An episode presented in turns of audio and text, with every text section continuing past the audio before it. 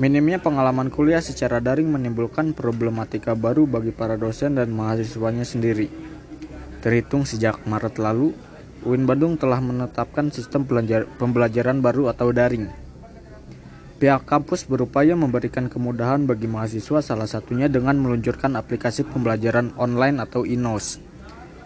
Alih-alih menjadi alternatif baru, nyatanya aplikasi tersebut justru membuat pihak dosen maupun mahasiswa menjadi kelimpungan. Inos merupakan aplikasi learning management system yang diluncurkan pihak kampus untuk menunjang pembelajaran online. Semula, Inos tidak diberlakukan untuk seluruh mahasiswa, hanya beberapa fakultas saja yang menggunakannya. Namun, pada semester ganjil, pihak kampus memutar otak dan mulai memberlakukan aplikasi Inos untuk setiap fakultas. Sayangnya, sistem yang belum tersosialisasikan dengan baik itu malah menimbulkan keresahan.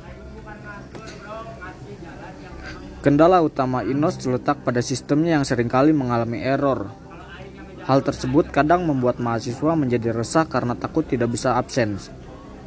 Selain pihak kampus yang dirasa masih sangat kurang dalam mensosialisasikan penggunaan Inos, beberapa mahasiswa beberapa mahasiswa pun bingung untuk menggunakan fitur yang ada di Inos.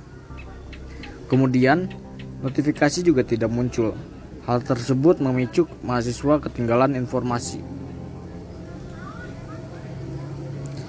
Selain Inos, UIN Bandung juga meluncurkan aplikasi Sistem Informasi Pegawai atau SIP Mobile untuk keperluan para dosen. SIP Mobile adalah aplikasi yang memuat tentang pengisian presensi kehadiran, pengisian lembar catatan kinerja harian atau LCH, LCKH, input izin serta fitur lainnya. Aplikasi ini diberlakukan secara resmi pada 1 Oktober 2020 lalu. SIP Mobile menggunakan sistem jarak yang di mana para dosen harus mengakses pada alamat tempat yang telah terdaftar dan memiliki batasan kilometer jika ia ingin akses di luar rumah. Hambatan hambatan pembelajaran daring tak hanya terletak pada INOS. Kuota internet juga menjadi kendala Kuota internet juga menjadi kendala yang mana kebutuhan primer pada pembelajaran daring ialah pasukan kuota dan sinyal yang memadai.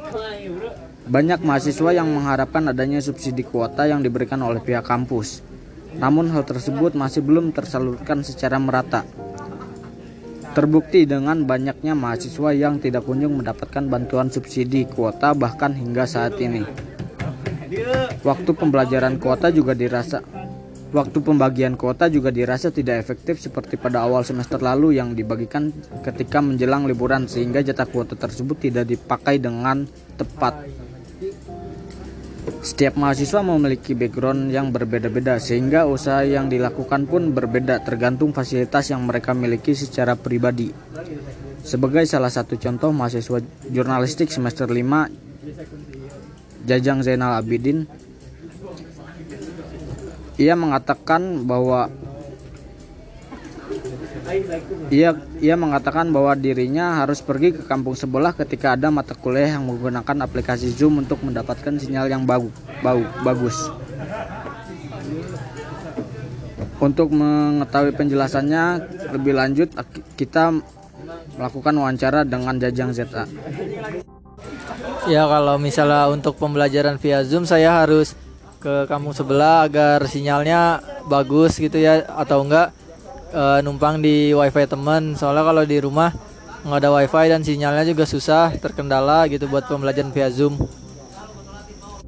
dengan hal gitu kita harapkan semoga pembelajaran kembali normal kembali seperti semula dan mahasiswa dan dosen bisa melakukan pembelajaran tatap muka secara langsung. Sekian berita yang dapat saya sampaikan. Saya Ahmad Bayaki laporkan untuk melaporkan untuk Jurnal Post Radio.